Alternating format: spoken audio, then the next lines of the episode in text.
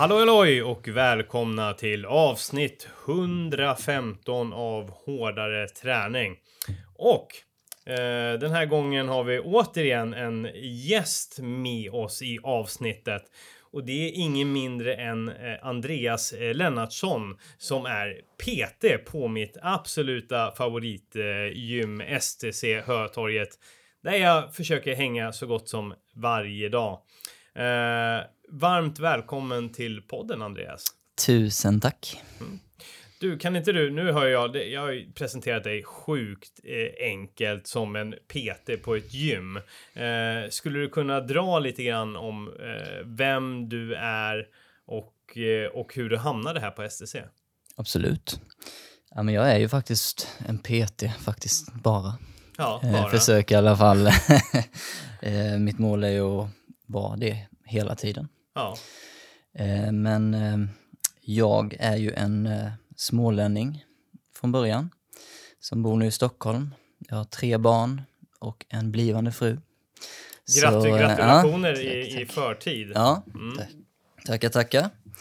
Eh, vad var frågan nu där på STC? Jo, men, äh, men eh, va- va- varför är du här? Varför har du hamnat här och vad har du gjort innan?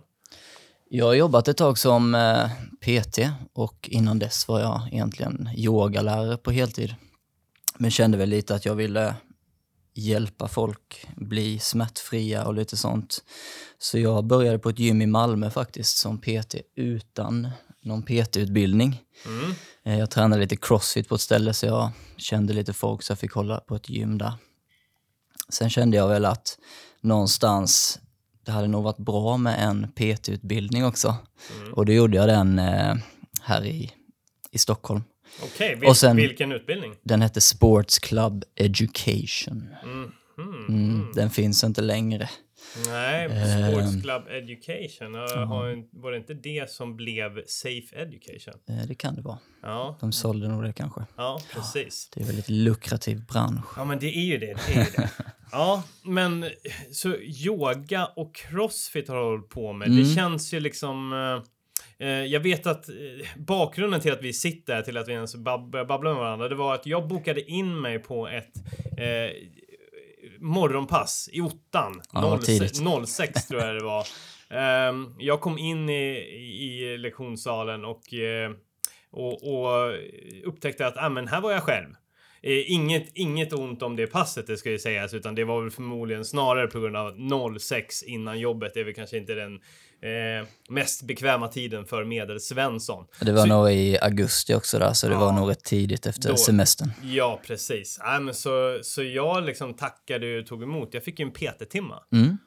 Den bjöd jag på. Och du tog ju med mig på en, eh, en, en märklig och eh, härlig upplevelse. Eh, passet heter för övrigt STC Functional. Yes. Visst är det så det är? Mm. Eh, där jag fick eh, utmanas i massa eh, olika övningar som jag inte trodde fanns och som ja, utmanade kort och gott. Det här är, det är ju lite svårt i poddformat att eh, beskriva övningar. Vi kommer ju släppa lite filmer här eh, inom kort där man faktiskt får se vad fanken är man håller på med. Eh, låt mig backa tillbaka bandet lite grann. Ja, du, höll, du höll ju på med yoga och, eh, och, och lite crossfit. Eh, och jag minns att du sa till mig liksom att eh, eh, nu, nu tror jag kanske inte att du vill högt eh, snacka skit om yoga, men att du ville bort lite grann från den världen helt enkelt. Och då gissar jag på att du kanske ville bort lite grann från crossfitet också. Precis. Jag kände väl lite att det inte... Det gav, jag blev inte en bättre atlet av crossfit eller eh, yoga sen då. För crossfit är väldigt mycket, du, du köttar igenom allting. Det ska gå så snabbt som möjligt, så tungt som möjligt och slarvigt som möjligt nästan. blir det ju när man inte kan koncentrera sig för man är så trött på i övningarna. Mm. Och då kom det också skador. Och sen eh, så tyckte jag väl att ja, men det var alltså, lite för stressig träningsform för mig. Mm. Och sen bara testade jag en yogaklass en gång och då blev det Alltså då, jag är en sån som går all in på allt. Alltså hittar jag någonting, då är det det som gäller. Yes. Så då körde jag bara yoga. Och det var under ganska många år jag Det, körde det, yoga. det är verkligen en kontrast. Ja, där. men det blev liksom verkligen att vända på hela, ja, hela grejen. ja, Men då kom man även in på handstående, sådana saker. Och sen vidare kanske lite på movement, så här, Ido Portal och de här grabbarna liksom. ja. Men jag kände väl att stretching är nog inte vägen att gå om du ska bli en bättre atlet eller bättre löpare eller någonting och vara, stå på en matta som är en viss, En box. ja men en box liksom. Och så, om du vill vara atlet då kan du inte bara stå still på en matta och liksom göra lite solhälsningar. Mm. Och då kände jag väl liksom att ja, men jag måste hitta någon väg där jag kan både kombinera yogan kanske, eller någonting yoga-ish, Mm. mer dynamisk träning kanske, Mm. med då eh, mer som blev då funktionell träning som vi kommer komma in på. Ja, precis. För det är just det du håller, håller då på med. Och eh, hur, okej, du snöade in på lite crossfit, sen snöade du in på yoga och nu har du fullständigt, gissar jag på, snöat in på det du håller på med idag. Yes. Och, och hur, kan man, hur kan man sammanfatta det? Vad är det? Eh, det var, egentligen började när jag gick min PT-utbildning där så var det en kille som heter eh, Linus Johansson. Mm. Han, eh, det är han som har gjort Soma Moves och de här Soma. Mm. Många känner nog igen det. Eh, han pratade om bindväven, Ja, tensegritet i kroppen och spänningar, att eh, bindväven håller uppe liksom strukturen med all skelett och allting, att det håller liksom en, en viss spänning i kroppen. Och så pratar han liksom aldrig muskler egentligen. Han pratar inte biceps, utan han pratar mer hela kedjan av muskler som connectar med och jobbar som, tillsammans.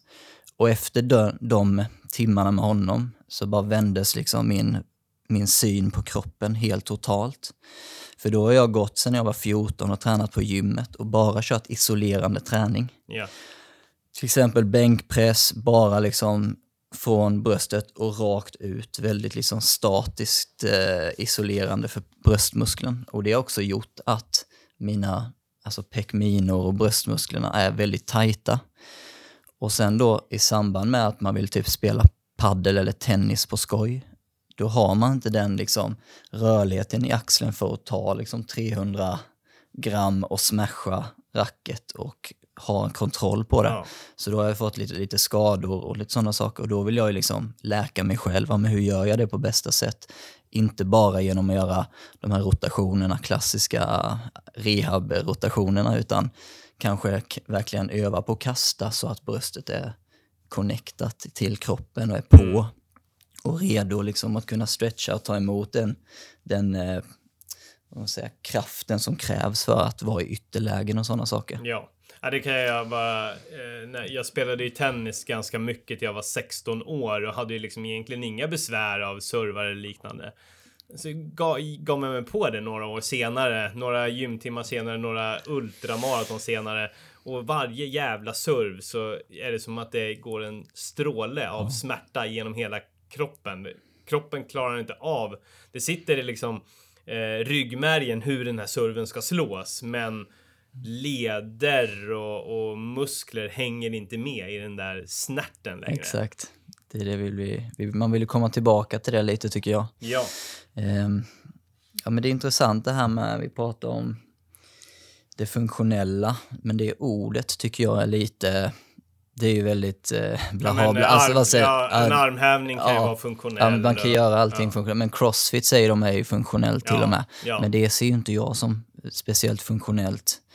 Det är mycket i crossfit, alltså det är extremt mycket axelskador och sådana saker. Du har liksom inte den butterfly-kippen, liksom att kippa dig upp i en eh, muscle up för att du är så himla tight runt hela bröst, eh, axelpartiet till exempel. Mm. Då går det ju en axelled eller knäna vid skadade eller vad, vad man nu är för att det är sådana obalanser i kroppen. Du är så osymmetrisk i kroppen Mm. för att du ska klara både det här eh, både olympisk lyftning, sen ska du vara bra på att simma och sen ska du vara, men med den kroppen du bygger som en crossfit-atlet eller klassisk gymsnubbe Mm.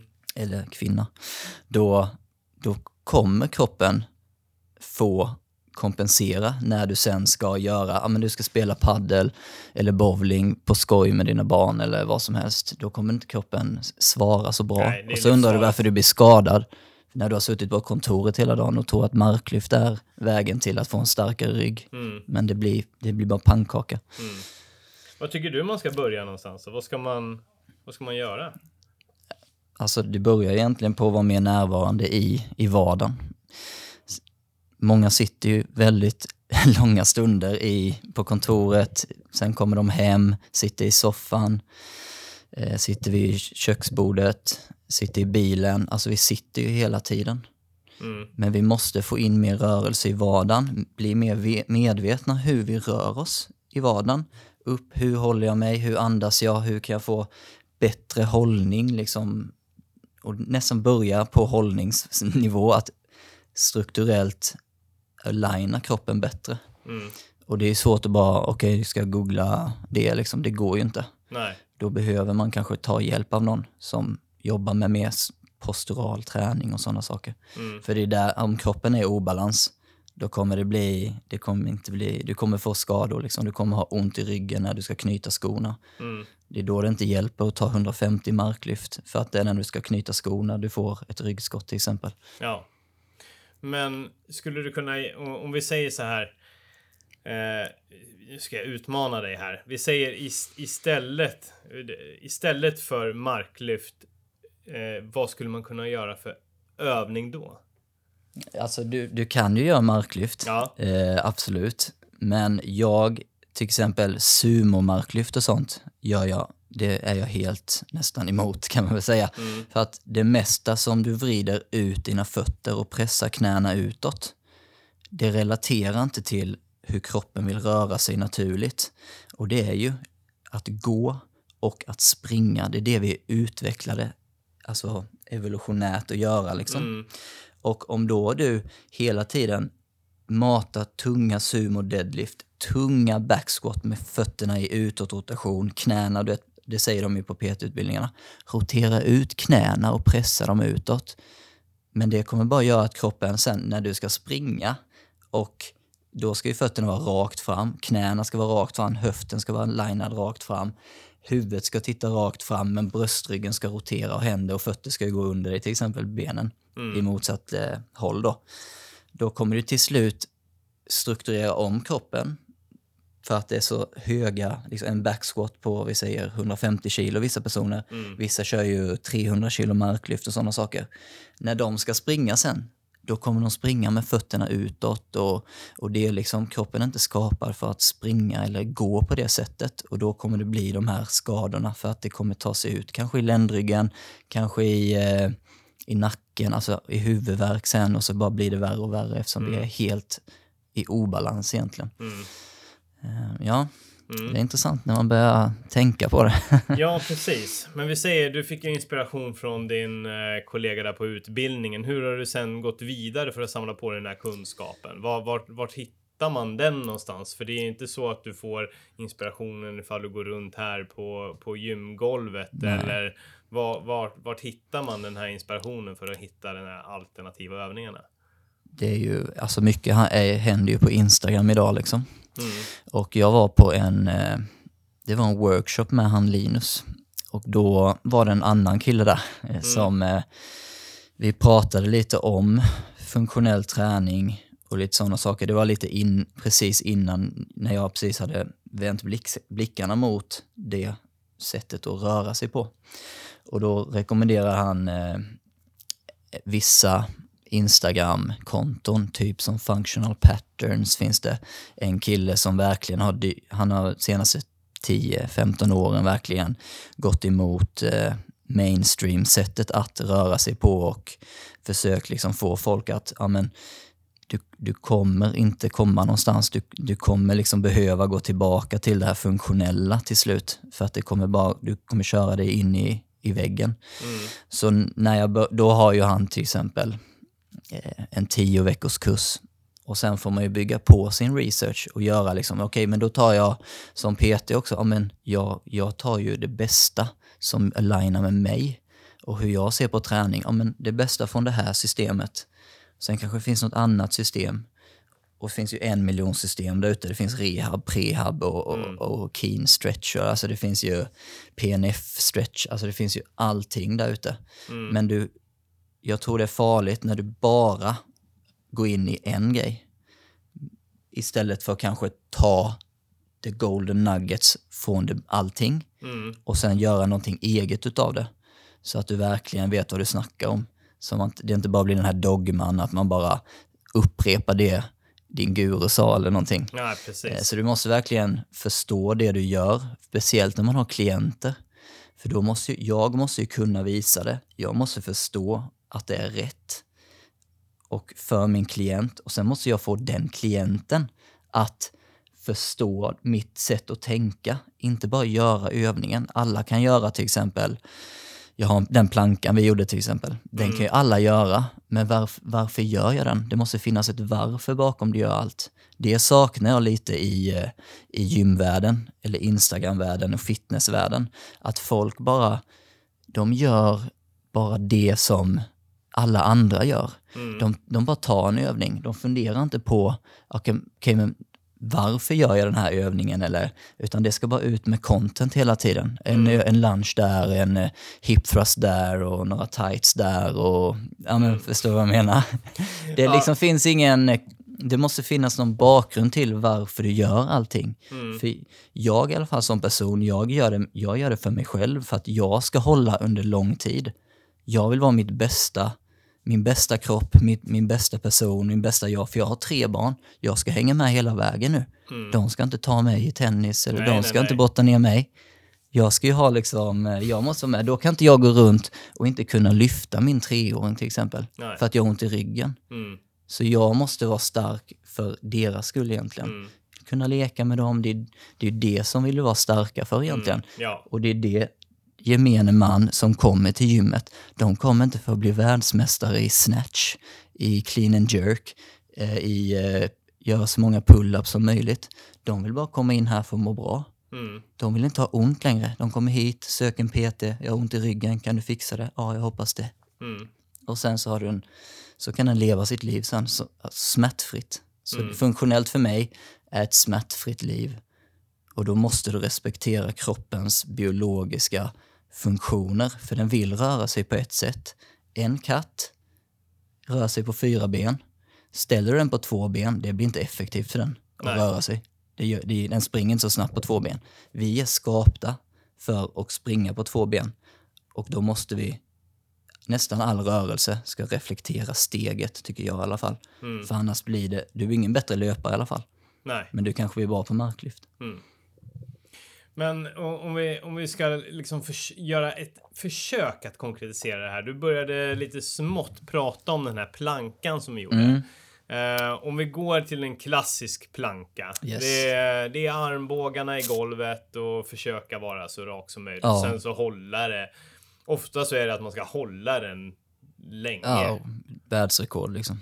det, det är det som gäller. Det Ja. är det som är plankan. Ja, då får man bra core och sådär. Mm. Men om du skulle ta dig igenom ta oss i, försöka ta Förklara oss igenom lite Ja. grann. Det, det är klart mycket bättre visuellt, men Jag kan försöka ändå- det i alla fall. Gör, gör, gör ett försök att ta oss igenom Okej. eh, din planka. Ja, men om man tänker när du står upp, då är ju, alltså då har du ju fötterna på golvet, knäna, höften, ryggraden och huvudet kan man väl säga. Och axlarna också skjuter ju lite åt olika håll. Ja. Men har du då en till exempel väldigt rund rygg, om, någonting, om ryggen liksom kutar bakåt, då kommer någonting gå framåt. Alltså för att kompensera viktfördelningen egentligen på kroppen. Och alla har ju för, oftast har man fram, du vet man hänger i ländryggen och skjuter fram höften lite och blir lite, och då blir man rund i rygg. Alltså Ja. den klassiska dåliga hållningen om man säger. Ja. Om man skulle ändra den, då skulle man egentligen skjutit bak höften lite grann, till, tagit bort svanken lite grann, så tilta bak om man säger. Men inte för mycket så du trycker liksom, du ska få neutral ländrygg brukar jag säga. Sen ska du lyfta bröstet, liksom eh, expandera bröstet framåt som att om jag säger lyft bröstet så lyfter du, okej du lyfter det framifrån och upp. Mm. Då får du en ganska bra hållning. Men vi ska inte dra tillbaka skulderbladen för det, utan bara lyfta bröstet från bröstbenet och upp, kan man väl säga. Mm. Samma sak gör vi när vi är i plankan.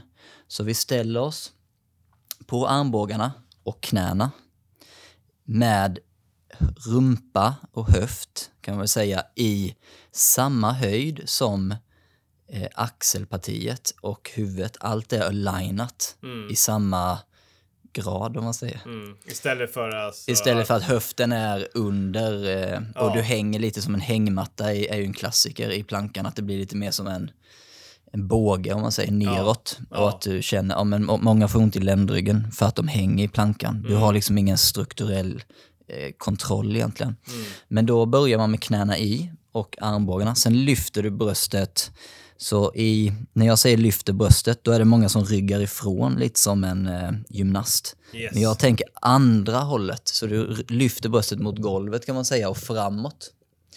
Sen tar du bort svanken lite grann och då bör du få en rak ryggrad kan man väl säga, med lite, lite någon grad svank. Mm. Och sen håller du den. Och det bästa med den här plankan är att vi jobbar ju inte bara att vi ska slå världsrekord muskulell, mus, muskulärt uthållighet, utan kunna hålla strukturen på den här kroppen i upp till en minut utan att förändra någonting. Oftast blir du ju trött då och lyfta bröstet och börja rygga ifrån eller hänga i skulderblad. Alltså någonting kommer kroppen kompensera när du är trött. Mm.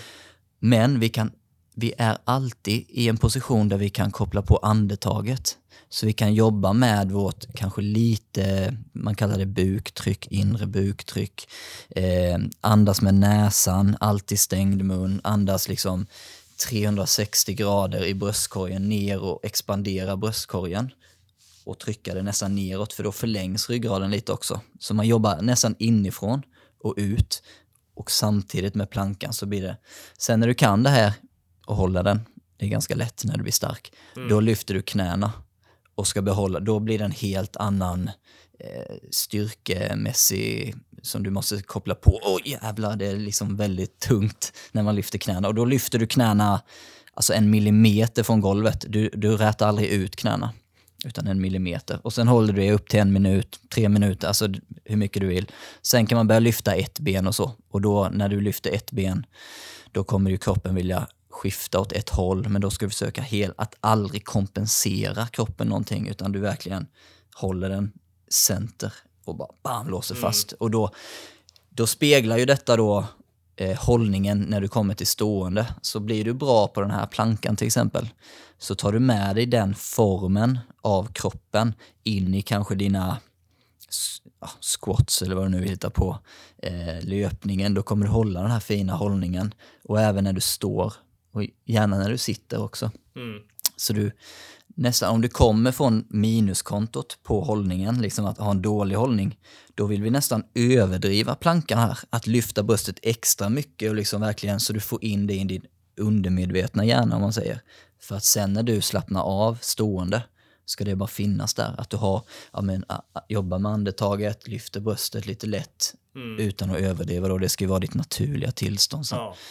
Eh, Så det tror jag kommer vara en nyckel i framtiden att i alla fall kunna få att åter-aligna kroppen till en god hållning.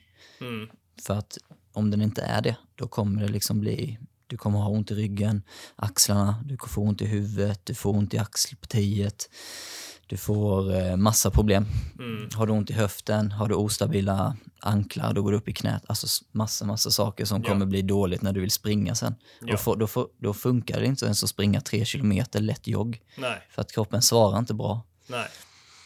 Nej, men, men det är intressant det där som du sa, alltså att också hitta eller eh, ordna upp i, i, i muskel, eh, muskelminnet. Mm. Eh, jag håller ju på, jag har en höft som strular ganska mycket eh, och jag har en löpteknik som Eh, ja, men det, jag, eh, som, som vittnar om att det, det, det kanske liksom finns ett problem där. Och det är ju att jag, eh, try, jag mycket armarna utanför kroppen. Så jag springer som en typ bodybuilder slash kyckling typ. Eh, Kylskåpet. Ja, precis. Där Och, eh, och mina höfter svänger väldigt mycket. Så jag går till en, eh, en sjukgymnast där jag får, har fått ett antal övningar som utmanar att eh, koppla på allt i, i, i, kroppen. Till exempel, jag ligger på rygg, eh, fötterna uppåt eh, så att de ligger i 90 grader. Och sen så drar jag ut ett gummiband som jag håller eh, rakt ovanför kroppen. Och samtidigt så ska jag cykla med mina, mina fötter. Mm.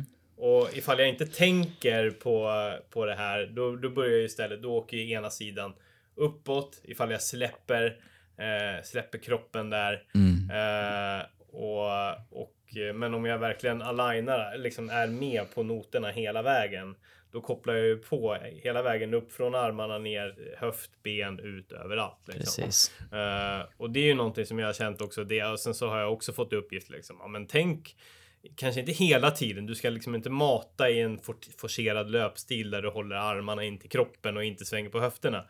Men så här, man, om man tänker på det ändå ibland och mm. tränar successivt så man inte springer onaturligt hela tiden. Då känner man ju ändå att man kan lyckas Precis. koppla på de här signalerna. Yes. Liksom. Men så brukar jag tänka när jag, till exempel när du hoppar mm. eller springer till exempel. Mm. Det är ju, du gångar ju din kroppsvikt med en viss, om du, om du vi säger det finns ju en, vi säger att du springer allt vad du har, sprintar mm. allt vad du kan. Då är det sex gånger din kroppsvikt per steg liksom på den kraften måste din kropp ta emot. När du hoppar kan det ju vara, alltså hur, ju högre du hoppar ifrån eller så då, och ta emot dig själv. Det kan ju vara upp till tio, alltså många gånger din kroppsvikt. Då blir ja. det rätt mycket kraft som kroppen måste ta ta, ta, ta itu med och generera. Den ska ju absorbera den kraften in i kroppen och releasa den ut någonstans för energi försvinner ju inte. Utan den bara absorberas och sen måste den tas ut. Och då måste ju till exempel de stora musklerna i din kropp, de ska ju ta mer kraft än mm. vad dina små. Ja. Men har du då obalanser som om du, som många män säger vi, de har inga rumpmuskler, de har ingen röv. Nej. Och röven är din liksom primal engine som ska ta dig framåt i steget. Om inte den kan ta sex gånger sin kroppsvikt, säger vi, eller mm, fördelat, då, det, ja. då, kommer någon annan mindre muskel, kanske knät, eller det är ingen muskel, men alltså en led kanske tar smällen då. Då springer du kanske in med, med knät i en mil. Hur många, vad blir det? Hur många steg blir det? Så 5000 steg, ja, men hur många som helst. Det är många steg på det benet där du linar fel för att din kropp inte symmetriskt kan fördela vikten rätt för att hålla dig alltså stabil. För när du springer, då ska ju inte Alltså höften bara ligger som en liksom, den bara ligger i luften, den ska inte rotera någonting, den ska vara stabil. Samma sak när du sätter ner fotleden, då ska den ju vara stabil. Men den ska också kunna liksom röra sig lite för att ta emot olika plan av eh, om du trailar eller vad du nu springer. Men den ska vara stabil och om du har en stabil höft och en stabil eh, ankel, då blir knät automatiskt stabilt. Mm. Men har du någon obalans uppe eller nedanför knät, det är då knät du får de här löparknä, ja. du får olika saker. Du kanske har fel sko på dig som gör att eh, nervsignalerna går fel upp i hjärnan så kanske du får, ja men det händer någonting i nervsystemet som signalerar helt fel och då kommer det gå ut i knät, det kanske går ut i ländryggen för att du kan inte absorbera kraften normalt. Mm. Och det är ju jätteviktigt att man Ja men det ser man ju till exempel många som gör lunch och utfallssteg och sånt. De hajkar med ena, alltså när de sti, sti, stegar ner, främre foten håller sig liksom bra höften. Men den bakre foten ofta hajkar ner liksom, så att du har inte mm. kontroll. Nej, och så matar du sådana övningar där du inte liksom du har inte någon aning om vad du gör egentligen. Du bara gör ett random utfallssteg med typ 20 kilo i händerna eller någonting. Mm. Och sen ska du ut och springa en random eftermiddag för att eh, januari, första januari för att du ska ha något du har liksom en, ja men nu ska jag ut och springa, bli löpare helt plötsligt så går du från gymträning till löpning och undrar varför du får löparknä. Mm. Det, är, det är logiskt tänkande egentligen. Mm. För att du måste respektera kroppen och vara lite förberedd också. Mm. Och det är jättebra, som du gör, att att du har sett det, ja, men du analyserar ditt, eftersom du är löpare, det är din primal, Yes. primära och Patrik också. ja. Det är, det är löpning ni ska bli bra på och vill vara bra på. Då är ju frågan om tung gymträning gör er till bättre löpare? Eller är det någon annan sorts träning som kommer göra, kompensera i löpning? Men det är löpa ni ska göra som nummer ett. Mm. Det är, det är löpning som gäller. Sprinta ibland, hoppa ibland och vissa olika liksom plyo, lite mer atletiska, alerta övningar.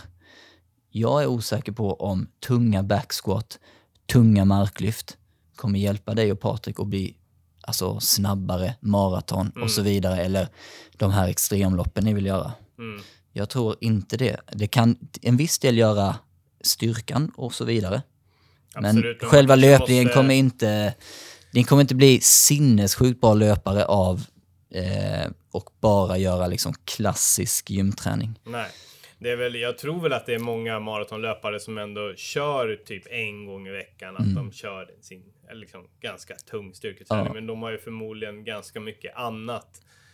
Till exempel en typisk grej som eh, vi, vi eh, vanliga dödliga missar. Det är ju löpskolning. Alltså det är också, det är lika mycket eh, än bara en uppvärmningsövning som att ko- koppla på alla muskelgrupper. För det är ju liksom, det är ju rytm och det är Ja men det är struktur och Ja, ja, ja. liksom som gör att man börjar koppla på alla de där musklerna. Så det Mm. är ju en sån här grej som de gör, de duktiga löparna gör, men som, som vi vanliga dödliga Ja. inte gör. Och ifall vi bara skiter i det, antingen springer vi eller så lyfter vi tungt med knäna utåt roterade. Mm. Så, så gagnar det ju kanske inte det, det man ska göra. Nej.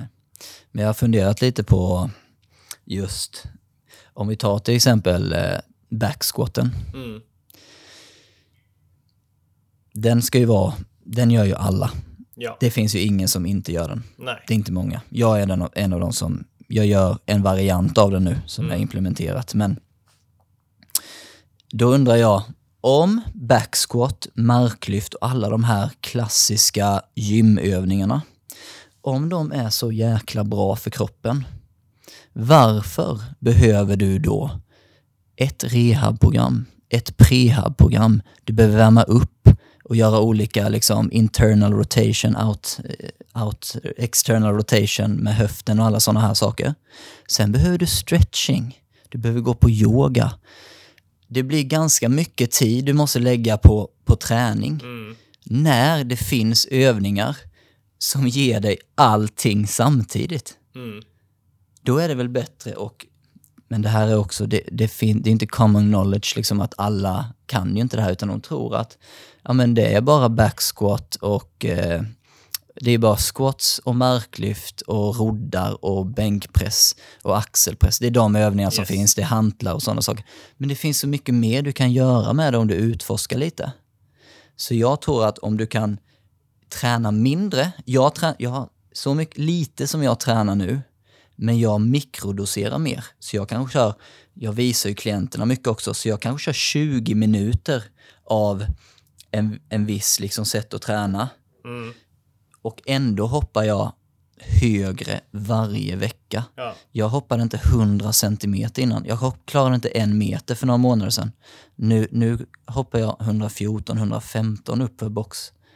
Och jag tränar knappt någonting på det. Alltså, om du jämför med gemene man som tränar två timmar om dagen ibland, vissa liksom. Men de, Ja. de blir inte bättre på, de blir starkare på bänkpressen. Men de kan inte hoppa så högt, de kan inte springa så snabbt. Och sådana saker. Det är sådana saker jag tycker en atlet, en atletisk person, man vill ju vara den här atletiska. Man vill inte vara ett kylskåp eller så. Mm. Och det kan man ju se till exempel om man, om du skulle ta Usain Bolt i slow motion och sätta Arnold Schwarzenegger i slow motion.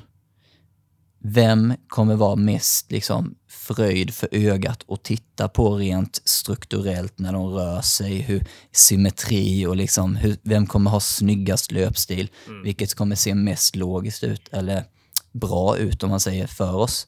Ja, det kommer inte vara Arnold Schwarzenegger som förmodligen inte kommer springa så jättesexigt. Det kommer vara det här robotliknande. För han har programmerat sitt nervsystem med all den träningen han har gjort att hans nervsystem tror att hans kropp är olika delar. Medan Usain Bolt, hans träning, kommer göra att okay, hans nervsystem tror att ja, min kropp jobbar som en unit. Vi gör det här tillsammans nu för att så effektivt kunna springa 100 meter under 8 sekunder, 7 sekunder eller vad han sprang på. Ja. Men vad, vad, vad springer Arnold Schwarzenegger på under sin prime? Kanske 12 sekunder, 15 sekunder. Alltså det är, det är ju sån skillnad på Ja. hur kroppen effektivt kan jobba. Eh, jag snappade upp en intressant grej du sa där, för jag hade tänkt att ställa en fråga kring det. Mm. Eh, eh, eh, i, I mångas ögon skulle nog kanske eh, det du håller på med typ påminna lite grann om rehab. Pre, alltså prehab-träning. Eh, och eh, vad var det jag skulle komma till? Jo, och, och, det, och då är det säkert många som ställer sig frågan liksom, ja men eh, hur, hur, ska jag hin, hur ska jag hinna med och orka det här när jag ska göra det här, det här också och det här och det här, den tunga styrketräning och, och så vidare. Men då är det intressant det du säger att om man om man kanske skalar bort mycket av de här sakerna, yoga, stretching, la la la och försöker fokusera. Det är ju samma sak liksom. Det är ju därför man också i ett tydligt löpprogram liksom. Man ska bli bättre på milen, att man inte bara kör så många mil som möjligt hela tiden, utan hela tiden utmana sig. Det är backintervaller, det är löpskolning och Ja. så vidare och så vidare. För att liksom om man gör alla de här delarna så behöver man kanske inte lägga lika mycket volym. Nej.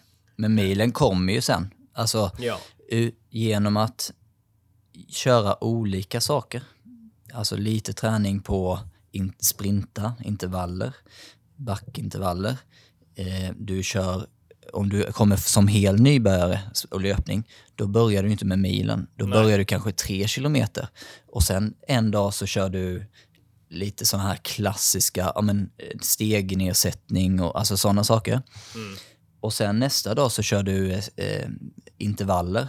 Och sen nästa dag kanske du ja, men testa 3,5 kilometer. Sen där borta vid horisonten så kommer ju milen helt plötsligt bara klarar du milen för att du har byggt upp kroppen att orka.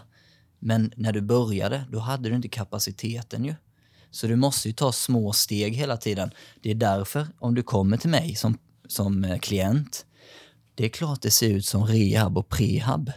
Eftersom att jag sätter dig i en planka, jag sätter dig liggande på, alltså allting på golvet, det är låg nivå, alltså det är low level. Det gör jag ju inte hela tiden Nej. med alla. Men kommer du, för att när du blir sen att du kan hoppa och studsa och inte, vissa kan inte hoppa eh, hopprep eller hoppa på stället och studsa så här lite så här känguruhopp utan att få ont i ryggen. Kan du inte göra det, då kan jag inte ta dig till en Alltså, då, får du, då kommer du inte ens få sprinta för mig. Liksom. Nej. För att du måste bygga upp kapaciteten så det blir lite rehab, prehab tänk i början för att kroppen ska synka. Men sen kommer det bara bli en, liksom, en nedförsbacke av att kroppen bara synkar bättre och bättre och sen kommer det ju bli mer utmanande för varje gång vi tränar, för varje gång eh, du blir starkare och kroppen liksom förstår vad är det jag gör här nu? Vad är det för muskler som ska jobba ihop här? Vilken slinga av muskler är det vi jobbar med? Eller om man vill komma in på det. Så det är ju det är så intressant hur man, jag hade jag hade två klienter på mitt förra gym. Båda kom in med eh, alltså, kroniskt ont i ryggen. Så länge de kan minnas, varje morgon de gick upp var det så här att de bara... Mm. Du vet, när de skulle knyta skorna var liksom... "Huh!" Du vet, de visste att den kom varje gång så de var beredda Yes. på det. Så de liksom gjorde olika... Ja, men kompenser, du vet, bara för att inte komma i det läget. Yes. Vi tränar tio veckor och de gör, vi tränar en gång i veckan. De får övningarna hem och göra jobbet hemma själva. De som gör det får otroliga resultat. De går upp på morgonen och helt plötsligt när de ska knyta skorna tänker de inte ens på att böja sig ner. De bara gör det och bara vad fan, jag fick inte ont idag. Det tar inte tio veckor för kroppen liksom att synka om du bara jobbar och gör det liksom korrekt. Sen nu, de, de lever ju ett fantastiskt liv nu. De kan leka med sina barn. Och det är där vi vill vara som bäst. Utanför gymmet. Det är 20, om du tränar en timme på gymmet, då har du 23 timmar kvar utanför gymmet, eller hur? Mm. Det är där vi ska vara som bäst. Det är inte när du ska göra ditt PR på marklyftet du ska vara som, som bäst människa. Det är utanför, när du bara ska spontant, eh, snön kommer och du ska skyffla hela garageuppfarten. Det ska inte vara några problem. Du ska inte ha ont i två veckor efter det. Mm. Inga ryggskott och sånt, det ska inte finnas. Vi måste liksom ta tillbaka kropp, vår, vi måste äga lite liksom. Äga vår egen kropp och liksom ta lite ansvar över liksom. Inte bara liksom, ah, men, åh, det är kört, Ja, jag sitter på kontoret varje dag, jag sitter och det är så synd om mig liksom. Men Mm. det finns ju lätta saker att göra för att inte ha ont. Mm. Och det är där det, jag, jag blir lite så här, det är där jag brinner lite. Jag Mm. brinner för att folk inte ska ha ont längre. För att folk går runt med smärta Mm. helt i onödan. När det finns små, små, små saker de kan göra hemma. Det tar inte en kvart, 20 minuter kanske. Några övningar, tre set, tre övningar kanske. Mm. Om de vill fixa ett ryggont. Vi löser det liksom, det är inga konstigheter. Mm. Mm. Mm. Ja, men det, det, det är spännande grejer. Alltså. Ja, verkligen. Eh, jag är lite nyfiken på, nu har vi babblat liksom om, uh, om, om din filosofi och, Mm.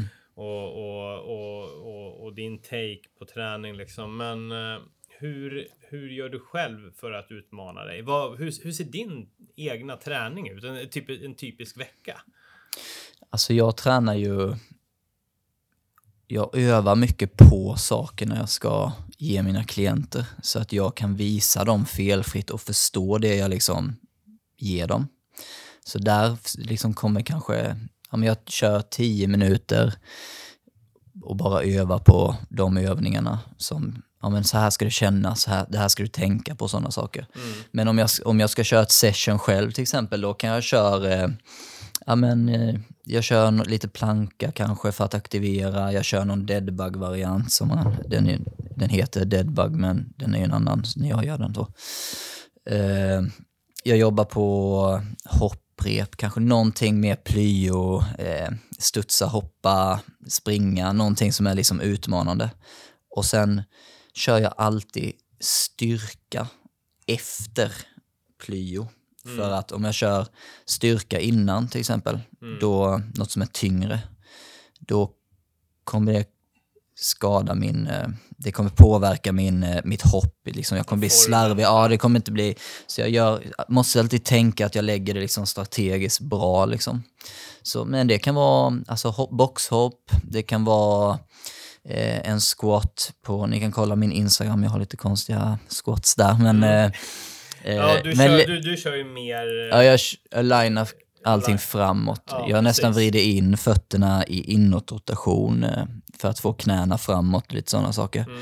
Det, ja, det, innan vi glömmer bort det, Ja. där, vill- där vill jag bara stoppa dig, sen ska du fortsätta. Ja. Eh, det, eh, det har jag sett ganska många filmer. Dels så, jag följer ju dig och Mm. sen när jag börjar följa ett konto som du lägger upp grejer från, Ja. One of a kind fitness tror jag det heter. Devon Browns. Eh, Mm, och där, där, det handlar ju väldigt, väldigt mycket om hoppet. exakt. Hoppet och, och, eh, eh, och liksom eh, hur, hur, hur atleter inom eh, framförallt kanske kombinationen eh, ja men typ bollsport där det hoppas mycket och liknande hur man, hur man fäller in.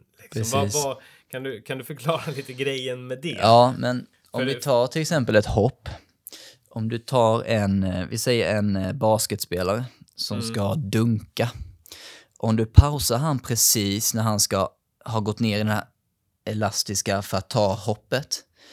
Du ser in, inte en basketspelare som har utåtroterade fötter. Knäna trycker han inte utåt för att komma så högt som möjligt. Nej. Utan han, det blir nästan en inåtrotation så att knäna går nästan in lite kobent om vi pratar. För när, när lårbenet går in i inåtrotation, det gör att gluteus rumpmuskeln blir förlängd Och när en muskel blir förlängd, det är som att dra ut ett gummiband. Och sen när den ska, eh, när han ska ta fart och trycka sig upp i hoppet, då blir det ju en koncentrisk så här att den går från lång muskel till kort. Det är logiskt. Att en, ett gummiband går från lång till kort elastiskt. Så blir det här wow, rebound-effekten. Men hur, blir du bättre, hoppar du högre av och göra tunga marklyft med knäna ut och rotera? Det gör du ju inte. Så då har One of Kind Fitness modifierat en, eh, en squat då att man roterar in fötterna lite. Ja. Men det är mer till det än vad ögat ser för att han jobbar också med eh, att pusha fötterna utåt. Så han skapar en tension med golvet och roterar in dem lite. Så det blir som att du roterar in fötterna i golvet i skon och sen skjuter skon utåt men du sitter ju fast i golvet.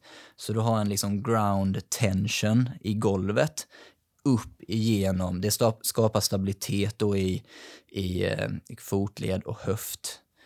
Och ma- när man är tränad att se att fötterna och knäna ska gå ut som PT, då tror man att detta är livsfarligt. Men om man tittar nogare så ser du att lårbenet pekar rakt fram. Det är ingen fara. Knät är helt stabilt. Allting är klockrent om du gör det rätt. Så då har han liksom tänkt, ja men fan, varför stretchar alla i pigeon pose till exempel? För det är ju, alltså gluteus är ju en utåtroterande muskel. Mm.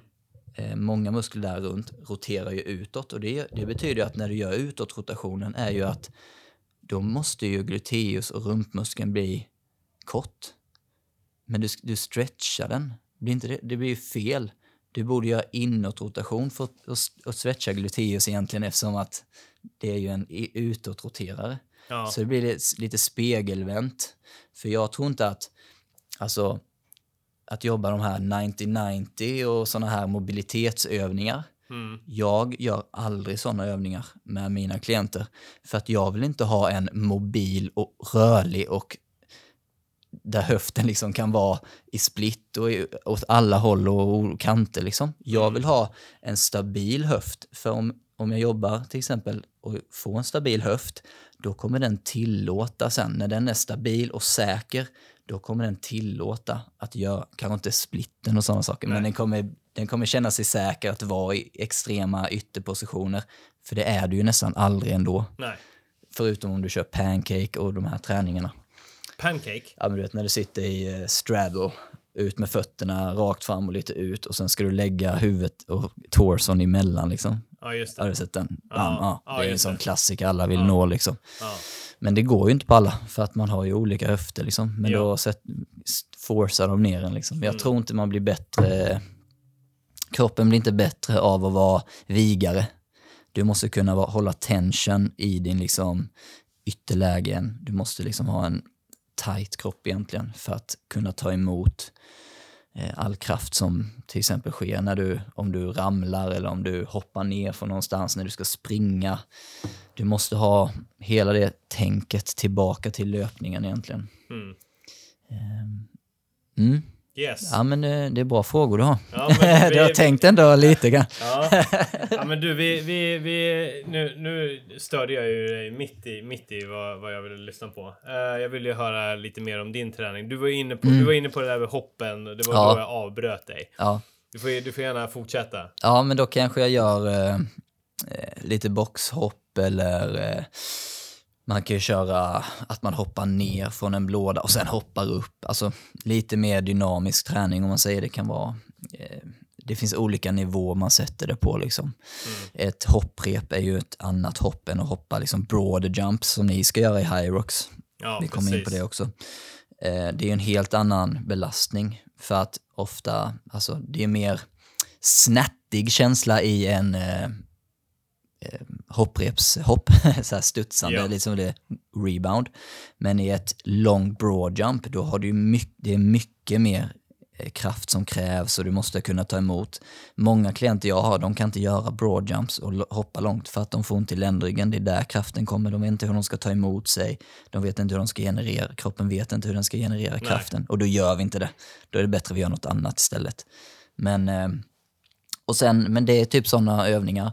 Och sen gör jag, ja men den här squatten vi pratade om, eh, jag kan göra den med trap bar, så du har ju som en deadlift, men du har eh, händerna vid sidan om Just det det. istället. Och Eh, ja, vid om. sidan. Och en vanlig deadlift är ju när du eh, har eh, vikten framför dig liksom. Ja, precis. Och jag tror att kroppen strävar alltid efter att vara komma tillbaka sitt, till sitt neutrala läge hela tiden, typ homeostasis och att vi vill aldrig vara extrema lägen utan kroppen kommer alltid vilja gå tillbaka till där den är som alignad eller eh, olika, ja men det, hela kroppen kommer alltid, o, alltså är det cellnivå, är det olika nivåer i kroppen så kommer det alltid vilja gå tillbaka till, till sitt no, normala tillstånd. Och då kommer det liksom vara att eh, om vi gör eh, nu, nu glömde jag tråden här lite, men om vi gör extrema grejer hela tiden, då kommer kroppen vilja ändå kompensera för det. Mm. För det, den vill gå tillbaka. Så till exempel om jag springer, Mm. då tänker inte jag på att jag ska andas på ett visst sätt. Utan, eller springa med fötterna. På ett, om jag har utåtroterade fötter, då säger jag inte att spring med inåtroterade fötter. Det går ju inte. För att kroppen, det, dens neutrala för dig nu, din säkraste sätt att springa, är ju som du springer utan att tänka. Yes. Och då sätter jag inte, liksom, jag cuear aldrig liksom att ja, men rotera in fötterna. Men när vi jobbar tyngre övningar, typ som en eh, trap bar, Mm. Då kanske jag roterar in fötterna för att få den här, men jobba med tension i golvet och lite sådana saker för att, och hållning och allting och andetaget liksom. Så en övning kan vara fem reps Mm.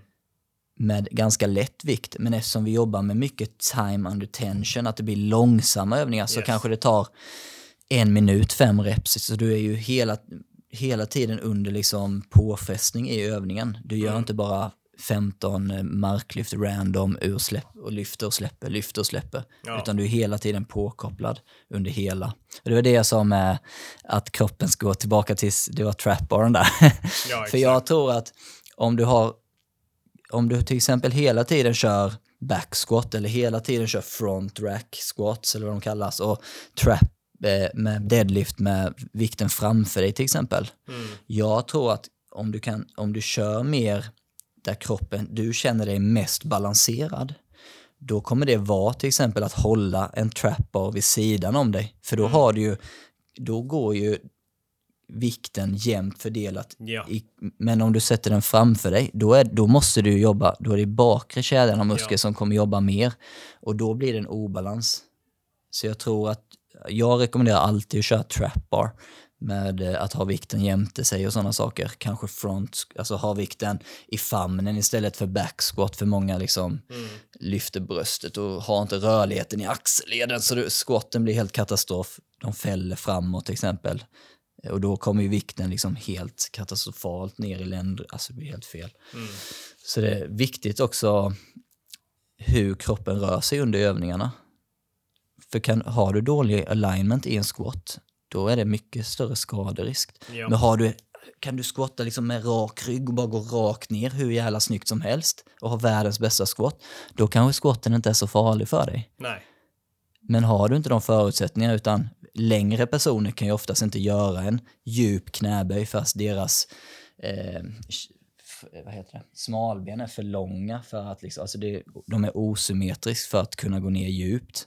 Deras ben är, för, är, Ja. ja, men de, de är fel alignade för att då kommer de liksom fälla från höften istället. Och har de då 100 kilo på ryggen, då blir det ju, då undrar de sen varför de har ont i ländryggen när de gör squatten till exempel. Mm. Ja, men det finns kanske andra övningar du kan göra, liksom, eller lyfta hälarna gör ju många och sådana saker. Ja. Så det finns ju alltid sätt att göra det bättre. Men jag tror att, att ha bra alignment när du gör alla övningar, måste, det måste vara prio ett. Inte Mm. bara göra det för att alla andra gör det. Var lite närvarande, kolla på dig själv, filma dig själv. Ja, men varför har jag ont i ryggen när jag gör backsquat? Ja, men filma dig själv och kolla om du liksom, ja, men Ja, då ser precis. man det nästan direkt om man har lite öga för det. Mm. Ehm, Nej, det är väl ett jäkligt bra tips överlag. Alltså många bara pin, pinar pinar på och tänker jag borde inte ha ont så nu, nu håller jag truten och så kör jag vidare. Ja, Ja. Eh, jag vet att du sa att vi skulle gå in på hyr också. Det fanns ju lite grann i schemat, men jävlar vad tiden, Tiden har rull, rullat iväg. Ja. Jag tror att vi får liksom köra en uppföljning med lite grann. Nu har vi det här i bagaget. Nu liksom går vi på och så, och så marinerar vi det här och Ja. sen så tar vi vidare i le, lite mer specifikt kanske i ett separat avsnitt. ja det vore det här, jag wingar den här idén bara. Nu, Ja, liksom. jag, jag är på. Jag är Ja, på. jag tror det. Jag tror att det, jag tror att det blir bättre. För Ja. tiden rinner iväg. Folk- Barn och grejer och allt sånt där ska, Ja, ju, ska ju råddas med. Just det, hade jag nästan glömt bort dem. Ja, precis. Som man gör det när tiden flyger fram eller bort när man eh, får snacka träning. Men vi kan väl eh, ta ett episod två. Ja, absolut. Då kan vi snacka lite high rocks och lite, eh, ja men de här golden nuggets övningarna vi skulle ta upp och så. Exakt. Så en liten cliffhanger. Ja, men tiden rinner alltid iväg. Men du, jag tänker så här. eh, Inför det och som en liten avrundning så eh, skulle inte du kunna ge ett litet liksom starter kit eh, för hur man skulle kunna komma igång med det här? Ja, men dels så här Instagramkonton att följa. Eh, eh, du har ju ett, eller det finns ju ett pass här som heter Functional Mm. eh, Functional, SSC Functional. Ja, functional. Eh, och, så, och så har vi liksom att man kan eh, bli PT hos dig helt Mm. enkelt. Ja, det är ju den bästa vägen. Ja, eh, eller hur? Ja, men så är det. Men vi, Nej, bör, vi, bör, vi, vi börjar lite lätt. Instagramkonton som du inspireras av. Ehm, jag, ins- jag heter ju Andreas X Lennartsson Ja, på. Instagram. Num, nummer ett. det är number one. Ja, Eh, ni kan följa OKF Fitness, One of a Kind Fitness. ja. Ni kan följa Functional Patterns. Eh, och sen har Functional Patterns en miljon olika konton under sig, personer som gör deras system och sådana Okej, saker. Så okej. det, det är bara liksom, det kommer komma upp där när du börjar söka. Ner, ner Ja. i eh, rabbit hole. Men där ser bara. ni också, alltså när man börjar träna så som kroppen vill, då, då ser ni, om ni kollar functional patterns före och efterbilder de har där, man, det går liksom inte förneka att det funkar. Nej. Du behöver liksom ingen eh, peer preview PubMed-studie för att se, du kommer förstå att det kommer funka, liksom, Ja. att kroppen kommer svara bra. Eh, eh, ja, men det är de två main-kontona jag liksom följer. OKF är eh, det jag följer nu, eh, för det, det är det jag har landat i under mina, min resa av eh, searching for. Sugarman. Ja. men ja, men sen alltså runt om de kontona så finns det ju fantastiska människor att lära sig av och ja men jag tycker Gota Movements, eller vad de kallas, de har också, de kallas Gota, det betyder Greatest of All Time Athletes. De har också lite Golden Nuggets. Så jag tar lite av allting, liksom jag kastar inte bort någonting utan jag bara, ja men jag har öppet sinne för, ja men Mm. Ja, ja men fan, så har jag inte tänkt innan. Just det. Det ska jag prova. Mm. Jag ska känna hur det känns. Ja, nej, det, det var inte för mig. Alltså, jag fick ont där eller... Mm. Eh, Ja, precis. Ja. Då går man vidare bara. Liksom. ja, men verkligen bara hitta det som passar dig själv. Liksom, Mm. och vad du, för att när du börjar göra rotationer med, alltså om du börjar rotera överkroppen mer i dina övningar, bara det kommer hjälpa dig mycket. Mm. Ehm, det är väl en lite sån golden ta med sig. Yes. Addera rotationer. Ja. Jag har functional på tisdagar om du eh, vill komma och eh, träna med gruppträning funktionellt. Mm. Eh, och sen är det ju PT och då är det ju bara mejla mig eller stalka upp mitt nummer så Mm. fixar vi det. Mm. Alltså, då- det ska sägas STC Hötorget och vad, vad har vi för tider? Eller vad det Jag är flexibel. Ja, men eh, nu menar jag om man skulle testa gruppträningen. Ja, nu har vi ju, min functional är tisdag lunch Ja. 11.30. Mm. Så det är bara att hänga på den. Ja, men det är, det är lite mer prime time än den 06, 00 Ja, 06, augusti, ja. en mörk augusti imorgon. Ja, ja men det är det är ju de som är dedikerade. Ja, fan. Ja, ja, men grymt. Och så, Ja. så jag gissar på, ja men vi slänger ju in eh, ja, lite adresser och sånt där i description på Yes. avsnittet också så ni vet vad ni ska ta vägen. Mm. Grymt, grymt inspirerande samtal och som sagt var, tiden går fort men vi, vi följer upp med lite mer eh, specifikt, lite mer konkret i, i nästa avsnitt mot eh, vad jag och Patrik har för utmaningar Mm. som vi behöver bli bättre på helt enkelt och det, som, där din expertis om energiurladdning tror jag kan komma väldigt väl till hands. Ja, men jag hoppas jag kan bidra med lite. Yes. Sen kommer det ju komma eh, lite härliga filmer och grejer på Instagram. Vi, vi hade en lång eh, session här för bara några dagar sedan eh, där vi gick igenom en massa roliga övningar som eh, ja, men ögonöppnande var det minst Ja, det var roligt. Grymt. Tack så mycket och eh, ja, tack för att du ville vara med i podden. Ja, men tack för att jag fick vara med. Ja, då säger vi adjö. Ja, adjö ni. Adjö! Adjö.